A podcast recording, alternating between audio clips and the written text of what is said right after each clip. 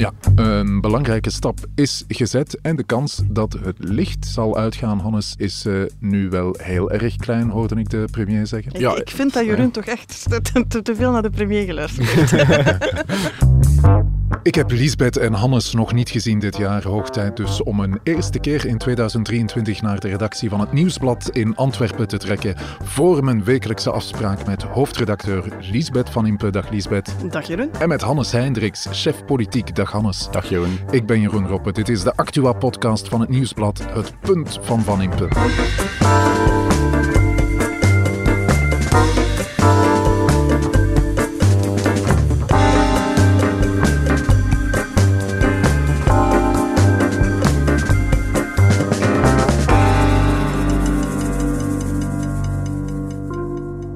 Nieuwjaar vieren, jij doet dat nooit, hè, Lisbeth? Ik vier dat, maar niet in grote bendes. Ik ah, uh, vier dat in de beslotenheid van mijn eigen living, waar ik altijd geniet van de overgang tussen oud en nieuw. Nee, ik ben geen fan van oudjaarsavond, dat is het eigenlijk. Ja, maar ik hoop dat je toch niet erg vindt dat ik een uh, goede mousserende wijn heb meegebracht. Dat vind ik helemaal niet erg. Voor de eerste van het jaar een Driese uit Sint-Lievenshouten, dat ligt in Oost-Vlaanderen. Dat Belgische weet ik zeer champagne dus. Hannes, ook uh, voor jou mijn beste wensen. Insgelijks. Wat zijn, jou, wat zijn jouw voornemens uh, voor dit ik jaar? heb gehoord dat Hannes wel serieus gevierd heeft, ah. by the way. we, we gaan het daar niet we over gaan, hebben. We gaan daar geen details ja, over nee, vrijgeven, nee. maar laat zeggen, gemiddeld zitten we in de buurt van uh, gemiddeld Vlaanderen. en, ik zou het eerder omschrijven als twee uitersten uh, ja. van vieren, maar wat, ja, dus ja, de goede dingen liggen in het midden. Hè. Goede voornemens dit jaar? Um, we hebben het al overlopen hè, bij de laatste podcast, denk ik, van vorig jaar. En, uh, ja, ja zoals, el elke goeie, zoals elke goede Vlaming ben ik onze goede voornemens van het einde van vorig jaar alweer vergeten. Maar meer, meer luisteraars voor de podcast en meer lezers voor de krant. Dat waren onze dat goede lijkt voornemens. Mij, dat lijkt me geheel en al te kloppen. Daar gaan we ons proberen aan te houden. Oké, okay, uh, laten we ons best doen voor de eerste van dit jaar. We hebben het uh, zeker over de energiedeal straks. Hebben we eigenlijk een deal of hebben we geen deal, Elisabeth? Daar hebben we straks een heel item over nodig. om, om, dat verschil duidelijk te maken. We hebben iets hoor, maar uh, ja, wat het juist is, we hoe we het moeten noemen. En er staan uh, handtekeningen onder. Er staan handtekeningen onder, maar het zijn wel muizenstapjes. Hè. Het, is, ja. het, is, het, is, geen binnen... Er staat een handtekening onder iets waarvan we niet helemaal zeker zijn of dat we het al echt een deal mogen noemen, ja. maar... Okay. Laat staan hoeveel dat gaat kosten. We hebben het ook over de drugsoorlog uiteraard in Antwerpen. Die bereikte een absoluut dieptepunt met de dood van een elfjarig meisje. Het leger inzetten, hoor je dan al heel snel. Is dat een goed idee? Eén, het gaat niet gebeuren, dat is duidelijk. Ik weet ook niet of het een goed idee is. Ik denk dat het vooral een teken is van de onmacht van de politiek die we de laatste dagen gezien hebben. Uh, het idee dat er een soort groot gebaar, groot antwoord moet komen, uh, terwijl iedereen eigenlijk vooral zit uh, ook af te wachten hoe het nu verder gaat, hè, of er nu wraakacties komen. Ja, het is een verschrikkelijk moeilijk dossier, we hebben het er al over gehad, maar uh, ja, men zit een beetje met de handen in het haar, heb ik de indruk. Het verhaal van Vlaanderen gezien afgelopen zondag, Hannes? Ja, wel, ik was een beetje aan het indommelen, maar ik heb het wel gezien. ja. wat, wat een lovende woorden voor een programma waar ongeveer de halve wereld aan meegeholpen heeft. Ik heb, ik heb gisteravond gekeken. Ik heb inge ingehaald. Ik kijk uit naar uh, jullie uh, analyse van het uh, verhaal van Vlaanderen in aflevering 71 van het Punt van Van Impe. Roep nu eindelijk de Nationale Veiligheidsraad samen. Leg dat plan op de tafel. Plan de uitvoering daarvan. Dat duurt natuurlijk allemaal zijn tijd. Neem in tussentijd noodmaatregelen. Stuur om te beginnen volk naar die Antwerpse haven. Schraap ze bij elkaar uit de federale politie. Stuur desnoods het leger. Het maakt me niet uit. Maar begin die haven te bewaken en zet prioritair in op de versterking van de gerechtelijke diensten daarachter. Bart de Wever hoorde je, de burgemeester van Antwerpen. De oorlog tussen drugsbendes in Antwerpen is volledig ontspoord. Firdaus, een meisje van 11 jaar, werd dodelijk geraakt door oorlogsmunitie. Een verschrikkelijk dieptepunt in de oorlog tussen de drugsbendes in Antwerpen. Lisbeth, jij woont in uh, Antwerpen. De stad is echt in haar hart getroffen. Hè? Ja, want er zit tegelijk iets heel triestig aan. Hè. Ik bedoel, we zitten nu al een jaar, twee jaar, drie jaar, ik weet het niet. Ja. Dat het bijna gewoon geworden is. Er is daar een granaat ontploft, er is daar een schietpartij geweest, dat is een vergeldingsactie. Nu, tot nu toe was dat altijd binnen dat drugsmilieu, maar iedereen wist van ja, achter een voordeur waar een granaat naar gegooid wordt, daar, daar, kan ook iemand staan die helemaal geen schuld treft. In een straat waar geschoten wordt, kan ook altijd iemand geraakt worden die daar, daar gewoon voorbij komt. Dus iedereen wist dat dat eigenlijk een kwestie van tijd was. En dan zie je toch die schok op het moment dat ook echt gebeurd. Er wordt geschoten op een garagedeur. Ze weten niet dat er eigenlijk een keuken achter zit. Daar staat een meisje van elf. En die wordt eigenlijk met oorlogswapens neergemaaid. Ja, daar kan je niet bij als je net in Antwerpen over de meer gewandeld hebt en op weg bent naar huis en denkt van, in deze stad, dat kan toch niet? Ja, afschuwelijk eh, verhaal. Firdaus heeft enkele ooms die in de drugsmafia zouden zitten. En een van die ooms zou een absoluut kopstuk zijn en opereren vanuit Dubai in de Verenigde Arabische Emiraten. Hij liet al weten dat hij zal meewerken met het gerecht om de daders te vatten. Zal dat ook eh, gebeuren, denk je, Hannes? Wel, ik denk dat hij alleszins uh, zal proberen. Hij heeft ook in het verleden zijn medewerking verleend als een van zijn broers ontvoerd is. Ja, het is ook geen echt gewelddadig deel van de maffia. ik bedoel, ik weet niet wat ik me daar moet bij voorstellen. Nee, inderdaad. Ja, maar ja, hij is ook zelf nooit veroordeeld, maar je voelt wel dat er ja, toch wel een link is met het uh, drugsmilieu. En uh, de speurders gaan daar ook van uit. Dus, ja. ja, goed. Ik denk niet dat iemand die man op zijn woord gelooft. De grote schrik is nu natuurlijk dat je zo'n escalatie van geweld krijgt. Hè. Dat die familie zich gaat wreken op de mogelijke daders. Die hebben ook middelen ter beschikking, dus de kans dat die rapper weten dan de politie wie de potentiële daders zijn, is reëel. En dat je dus vergelding, terugvergelding, weerwraak gaat gaan krijgen en dat het nu helemaal het hek van de dam is. Hè. Maar niemand gelooft die op zijn woord. Die zegt dus ook inderdaad dat hij helemaal niks met heel die drugsbusiness van doen heeft. Maar hij zit er natuurlijk wel in Dubai en ja, ja, dat, dat, is ongelooflijk. Hè? Daar uh, in Dubai zitten blijkbaar nog meer uh, van dat soort uh, figuren die extreem veel geld hebben. Hè? Ja, je hebt er een paar Belgische die zich daar effectief schuilhouden, omdat het daar relatief veilig is. Die worden daar met rust gelaten, leven daar in ongeziene rijkdom. de Otman, waar hier sprake van is, heeft daar ook elf verschillende optrekjes. Hij is rijker dan Kevin De Bruyne bijvoorbeeld. Dus, en Hazard samen. Ja, en Hazard samen. Ja, ja, ja, Maar dus- het is deel van het businessmodel van Dubai. Hè? Ik bedoel, trek dat soort gasten aan, die komen met zakken vol geld. Letterlijk, stel daar niet te veel vragen aan. En die gasten hebben zelf ook wel het verstand om zich daar dan te gedragen als engeltjes, om zich daar helemaal niet te misdragen. En Dubai heeft heel lang twee ogen dichtgeknepen. Nu doen ze af en toe een keer eentje open, maar um, ja, echt iets doen, dat is nog iets helemaal anders. Als ik uh, het zo allemaal hoor tegen dit soort figuren, uh, kan je toch gewoon niks uh, beginnen, Hannes? Wel, de federale regering heeft wel geprobeerd om die naar hier te halen door een uit leveringsverdrag af te sluiten met de, met de Emiraten. Uh, dat is er sinds november eigenlijk. Uh, Vincent van Quickenborn heeft daar werk van gemaakt, maar sindsdien is er nog geen enkele drugsbaron uitgeleverd. Dus uh, ja, voorlopig is dat een, een, een, een, redelijk leeg papier. En dat is zo'n beetje het verhaal van al die maatregelen. Hè. Het, is het niet gaat dat we... allemaal zo traag, dat is wat je wil zeggen. Het is, het is niet dat we zonder plan zitten. Het is niet dat we daar nu naar zitten te kijken en denken van, oh Gero, god, wat moeten we hier nu aan doen? Eigenlijk ligt er een plan, dat is een vrij, vrij uitgebreid plan, dat is een plan ook met heel veel verschillende aspecten. Zowel in bewaking van de haven als politioneel, juridisch. Al die puzzelstukjes liggen daar wel. Niemand maakt zich enige illusie dat dat de cocaïne uit de haven van Antwerpen zal halen. Maar de bedoeling is toch om dat businessmodel voldoende te verstoren, ervoor te zorgen dat zij niet verder doordringen in de rest van de samenleving.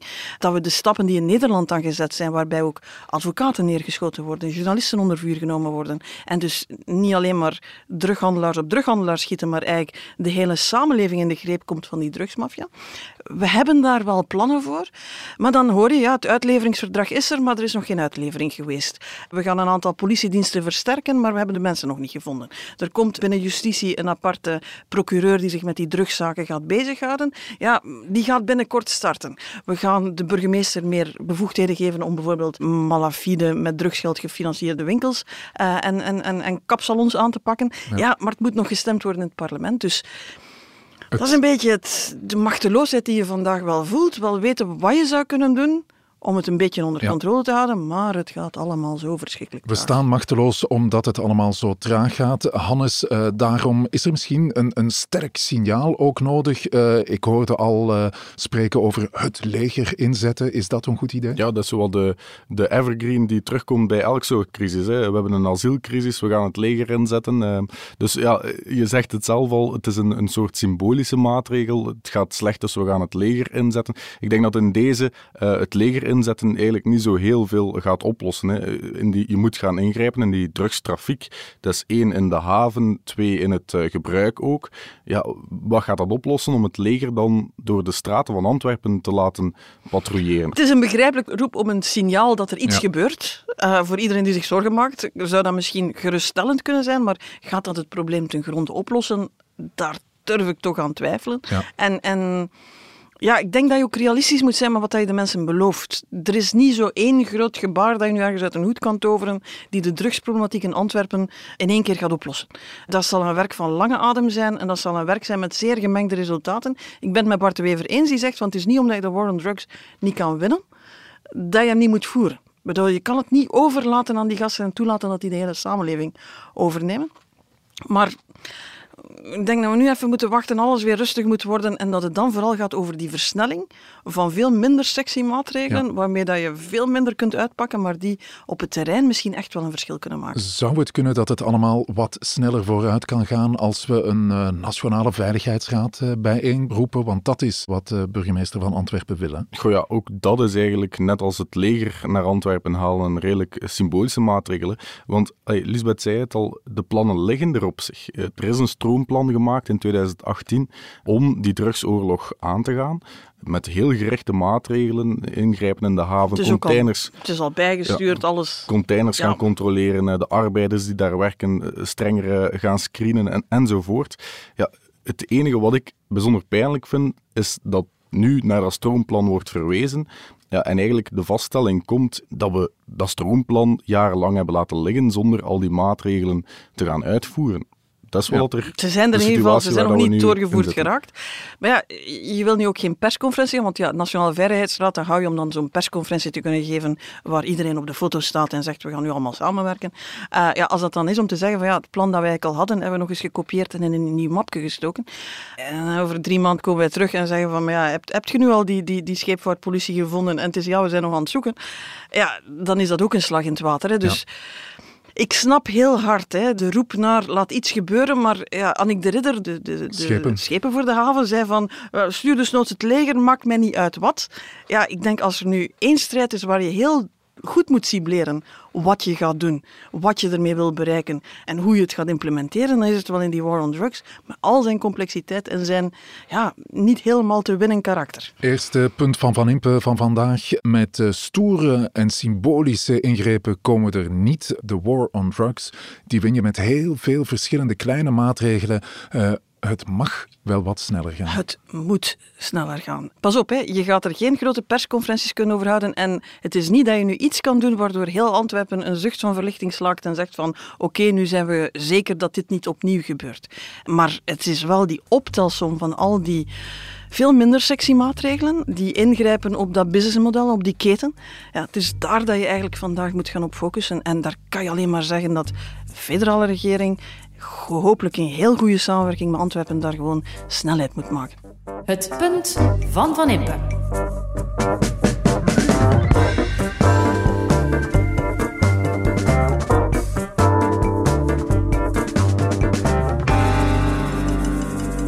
Gisteravond, vlak voor de persconferentie, is dat document getekend door beide partijen. Dat is gewoon heel, dat is zonne, uh, zonneklaar premier Alexander De Croo over, uh, hoe moet ik het noemen, de verbindenis, het akkoord, de deal of de overeenkomst. Het feit dat hij dus al met heel veel, al zijn zelfvertrouwen nodig heeft om te zeggen dat er echt wel een handtekening onder staat ja. en dat het ding dus op zijn minst toch wel een flatterende kwalificatie verdient.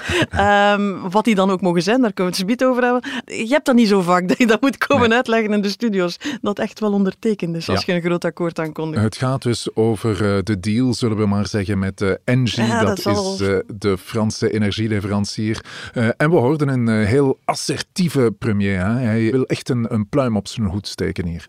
Dat is heel duidelijk. Hè. Ze hadden een deal aangekondigd voor nieuwjaar eigenlijk. Oké, okay, ze zijn een beetje voorbij de deadline geschoten, maar het was duidelijk dat ze dit moment wilden pakken. En er werd uh, op de borst geklopt en er was een groot akkoord en de werken konden beginnen en noem maar op. Ja, als je dan naar het document zelf gaat kijken, zie je toch dat er daar een aantal andere dingen in staan. Hè. Ja, we, hebben, uh, we, hebben, weer iets nieuws geleerd. Hè. Hoe heet het? Hoe heads, heet het? heads of terms. Ja. ja. dus als je zo denkt van, en wat voor beestje is dat? Ook allemaal geen goede tekens. Ik heb, het, ik heb het moeten googlen en ik kwam uit op allemaal rare hoofden en zo, maar het had er er uiteindelijk niets mee te maken. Het is, uh, dus een het is een soort principesverklaring, ja, ja, maar ook niet meer dan dat? Wel, het is eigenlijk een niet bindende overeenkomst. Dus wat er letterlijk in staat, is dat Engie haar stinkende best gaat doen. Ja, we zullen alle middelen inzetten om klaar te zijn. Ja, maar dat was ook, dat was ook, je hebt hem daar gehoord. Hè? Dus het is, doorgaans zeggen we in de politiek een, een, een, een middelenverbindenis, dat is zeggen dat je best gaat doen. Een resultaatsverbindenis is zeggen, het gaat ook lukken. Ja. Alexander de Croo probeerde een beetje een middelenverbindenis toch te verkopen, alsof het eigenlijk al bijna een resultaatsverbindenis is.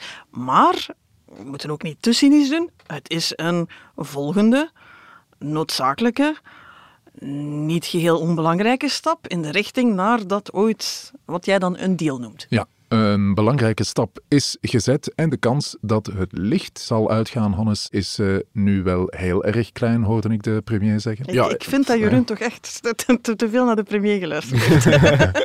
ja, dat is, dat is inderdaad wel optimistisch, omdat ja, één, Engie weet zelf nog niet 100% zeker of dat ze wel klaar zullen zijn tegen november 2026. Dus wanneer ja, ze, dat is voor de winter 26, 27. Zouden ja. moeten draaien. Maar we zitten ook nog met een winter 2025, 2026, waar er ja, mogelijk een probleem is met de bevoorradingszekerheid. Dus daarover is er niets beslist. Dus dat zijn toch nog ja, een pak onzekerheden, um, ja, waardoor dus, we niet echt kunnen besluiten dat ja, licht wel blijft branden. Dat bevoorradingszekerheid de laatste weken, maanden, zodat dat wat meer tussen haakjes is komen te staan, of dat heel de optelsom wel klopt. Dus je merkt, je, je gaat ons vandaag niks definitief laten zeggen. Nee. We gaan twee woorden blijven spreken. Hij vergeleek het zelf met uh, de zekerheid over uh, de auto die morgen start. die, Wel, kans is heel klein ik dat denk je dat hij auto daar, morgen Ik denk niet dat hij daar iets te, veel, iets te veel liet zien dat het toch echt wel met twee woorden spreken is. Dus iemand vraagt hem natuurlijk, ben je nu zeker dat het licht niet gaat uitgaan? En, en hij ja, smijt nogal assertief terug van, ja, zijt jij zeker dat morgen uw auto gaat starten?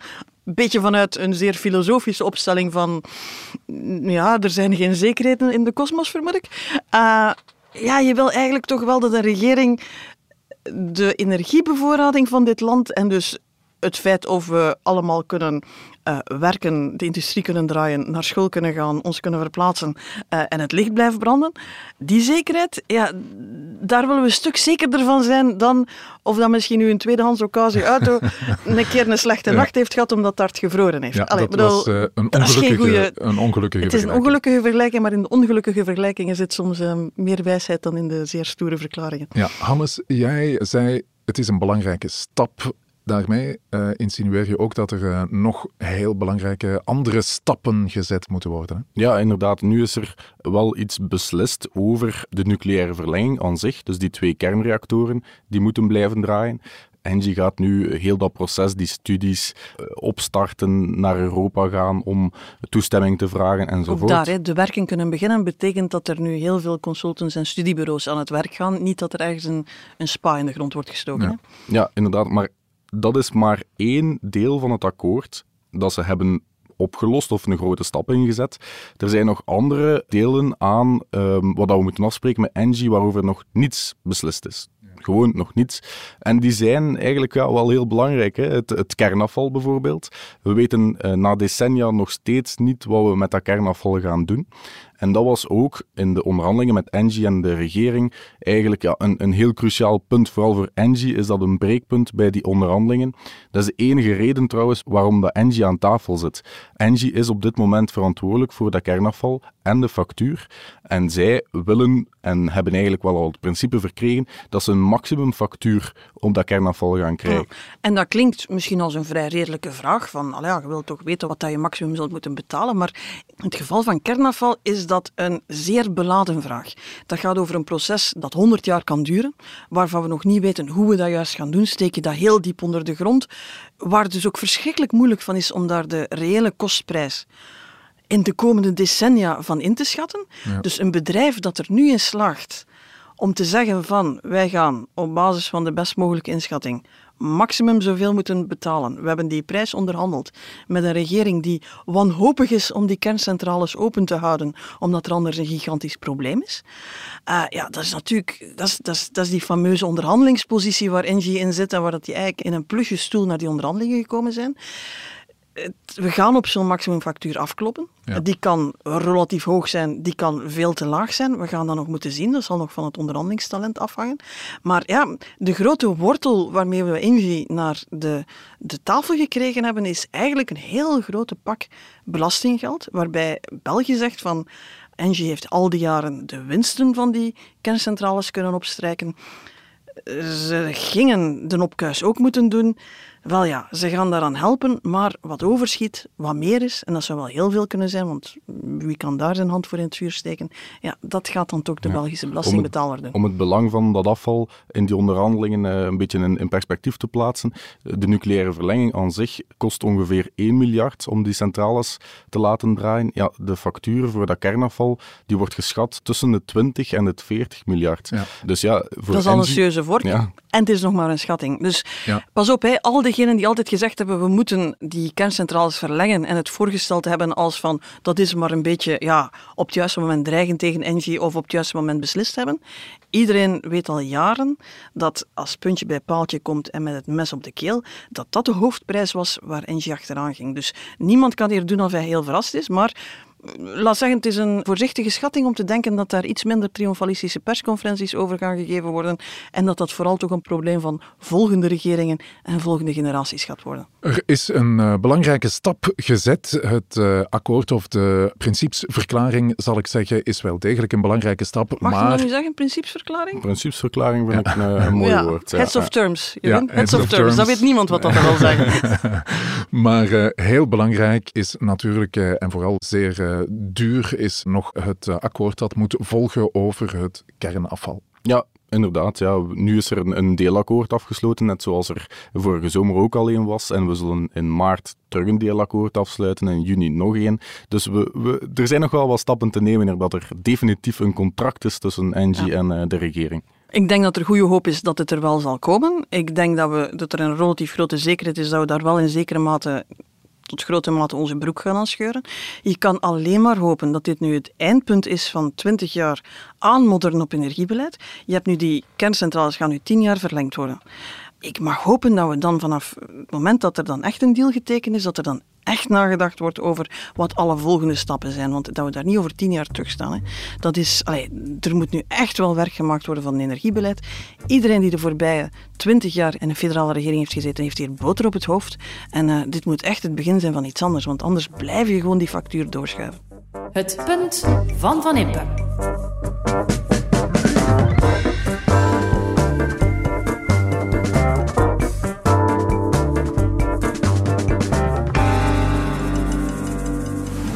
Vlaanderen. Een lap grond van nog geen 14.000 vierkante kilometer waar we met z'n 6,5 miljoen wonen, werken, leven. Ik wil weten wat er zich hier voor ons door de eeuwen heen heeft afgespeeld. Wie waren de mensen die hier voor ons rondliepen en hoe zag hun leven eruit? Het verhaal van Vlaanderen is een nieuwe VRT-reeks op televisie. De presentator is Tom Waas en hij reist door de geschiedenis van wat het eh, programma Vlaanderen noemt. Er is veel te doen om de reeks, misschien ook daarom dat het zo'n succes is. Want er keken 1,6 miljoen mensen naar, dat is uh, ongelooflijk veel. Het slaat duidelijk aan, hè, Lisbeth? Het is zondagavond, dan zit de Vlaming voor zijn tv blijkbaar naar Tom Waas te kijken. Wat Tom Waas op dat moment ook aan het doen is. Waarom denk jij dat het uh, zo'n succes is, Hannes? Ja, ik zag er veel reclame voor passeren en ik dacht dacht, wauw, uh, geschiedenis uh, spreekt me wel aan, ik ga er naar kijken. Dus ik denk dat veel mensen uh, zo redeneerden. En pas op, hè, er, is, er is echt al de hele kerstvakantie is er op Twitter een cultuuroorlog. er zou een aflevering van zijn eigen kunnen zijn in, in de reeks. bezig hierover. Ik denk dat die boven de hoofden van heel veel mensen gegaan is. Er is veel aandacht voor, dat klopt. Maar je voelt ook, op dit moment is er gewoon heel veel belangstelling ook voor geschiedenis. Zeker als het een beetje populariserend ja. gebracht is. Canvas heeft er een heel businessmodel op gebouwd. Bart van Loo met de Bourgondiërs was zo'n beetje een onverwachte, maar echt een monsterhit met zijn boek en de podcast. Je voelt geschiedenis die verhalend aantrekkelijk gebracht wordt, ja, daar is een publiek voor. En er is natuurlijk ook uh, veel geld tegenaan gegooid, veel uh, subsidiegeld. Daar is uh, een hele controverse rond, hè, Hannes? Ja, het is ongeveer 2 miljoen, dacht ik, dat er naar het programma is gegaan.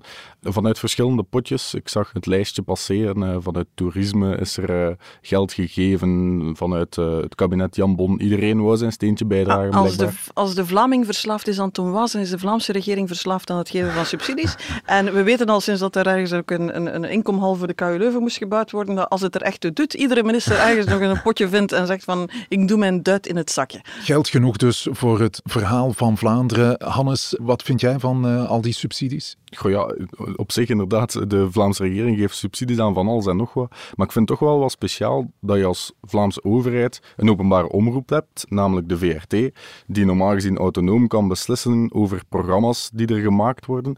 De Vlaamse regering heeft dan beslist om te gaan besparen op de VRT. Oké, ja, dat, ook dat is een, een, een politieke keuze. Maar om dan via een omweg geld en aanzienlijk Veel geld. te gaan geven aan een programma, omdat de regering per se wil dat het gemaakt wordt, of Ja. goed vindt dat het gemaakt wordt, ja, dat vind ik wel een, een, een speciaal verhaal. Je hebt er gelijk aan. Er is er trouwens een lange traditie in. Hè. Ik bedoel, er zijn tijden geweest dat de Vlaamse regering het ondernemerschap ging stimuleren door allerlei gekke programma's te subsidiëren. En de fictiereeks Kinderen van de Wind, toen ging de haven nog over ondernemerschap en niet alleen in de drugsbusiness.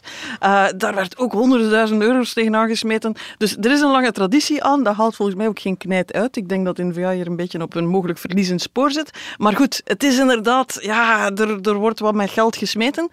Tegelijk vond ik dat de discussie over de subsidies een beetje een gekke wending nam. Je krijgt dan zo een afweging van, ze geven dat geld daaraan en ze zouden beter aan iets anders geven. Nu, dat kan je ongeveer met iedere overheidsuitgave beweren natuurlijk. En dan, dan krijg je soort dingen van, ja, dat is eh, geld geven aan terugkijken naar het verleden, eh, terwijl we toch moeten investeren in de toekomst van onze kinderen met lege brooddozen en noem maar op. Eh, heel legitiem heel legitieme doelstelling, hè? de kinderen met de lege brooddozen. Maar waar we nu stilaan niet aan het zeggen... Allee, het leek bijna of dat er gezegd werd van... Ja, geschiedenis dat is toch wel een hobby voor, voor mensen die de echte belangrijke doelstellingen niet, niet, niet kennen. Schiet erop door, weinig productief. Ik vond dat niet meteen de juiste manier om dit debat aan te snijden. Ja, het eh, gaat om eh, geld voor een project eh, dat ten dienste staat van de promotie van de Vlaamse identiteit. Zo zei Dat Jan Jan Bon, de ja. Vlaamse minister-president. het, Hè? Die heeft geen kans gemist om het zo hard mogelijk in het N-VA-kamp te trekken. Ik denk dat de bonus is dat dan alle anti-N-VA-stemmen meteen ook tegen dat programma zijn. Ik denk dat dat echt ja, absoluut helpt in dit geval, mee de bedoeling was.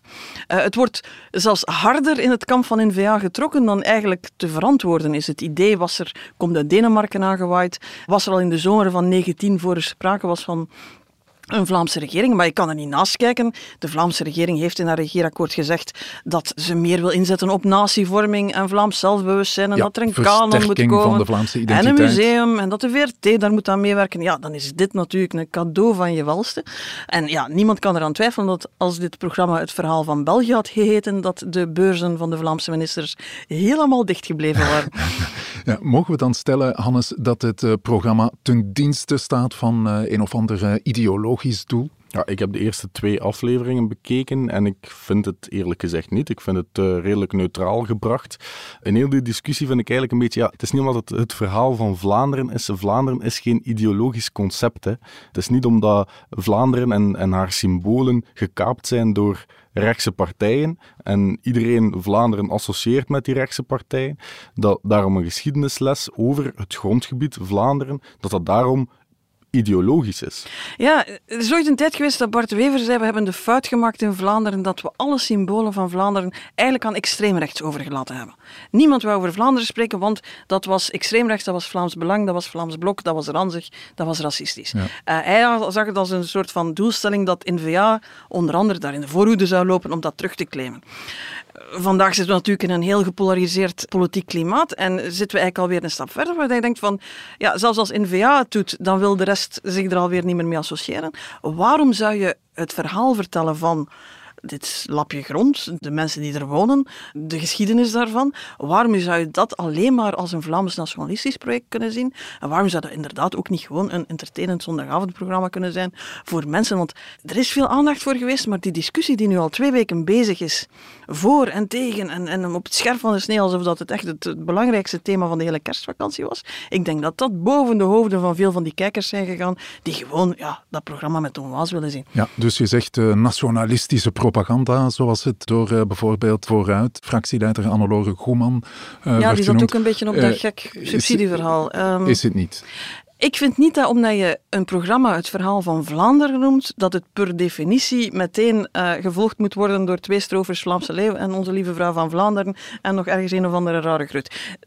Je mag die dingen wel uit elkaar gaan trekken, we zijn twee afleveringen ver. Ja, ik ben wel benieuwd natuurlijk hè, hoe ze 1302 gaan doen. Is dat de mythe zoals we die kennen, of is dat historisch uh, ja, evenwichtiger gebracht? Hoe gaan we omgaan met de zwartere bladzijden uit de Vlaamse geschiedenis? Want die zijn er wel degelijk ook.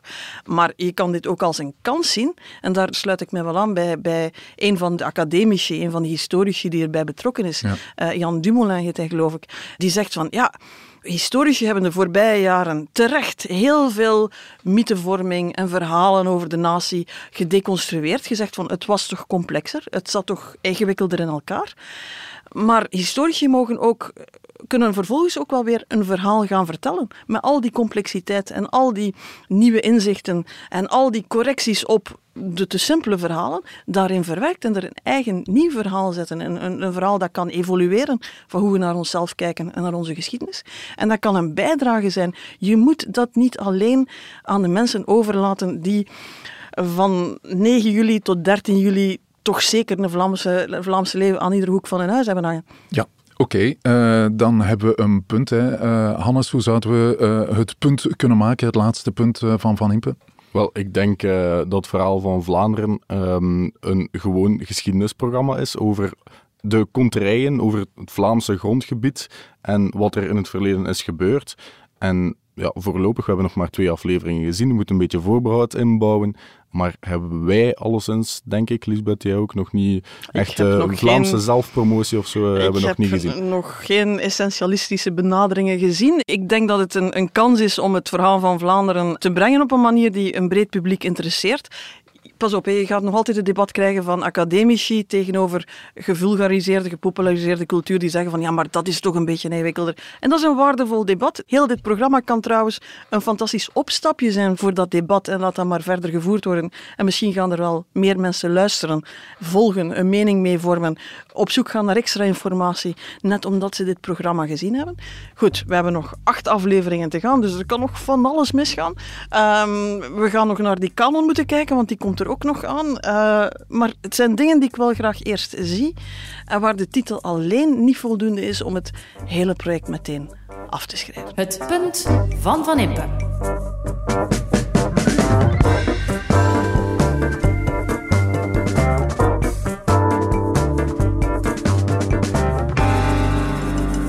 Eerste punt van het jaar zit erop. We dronken een Belgische mousserende kwaliteitswijn op basis van Pinot Noir, Pinot Meunier en Chardonnay van Driessen. Ik zei Belgische kwaliteitswijn eigenlijk, strikt genomen, moet ik zeggen, Vlaamse ah, kwaliteitswijn. Nee, dat moet, je, dat moet je dus nu niet doen, hè. dat moet je dus echt niet doen, hè. Ik bedoel, dit is een Belgische wijn en een Vlaamse wijn. En wie weet is het ook een Brusselse wijn. Wij zijn lasagnes, Jeroen. We zijn Vlaming, Europees, Belg. Uh, ik ben een West-Vlaming in Antwerpen met een hart voor Brussel.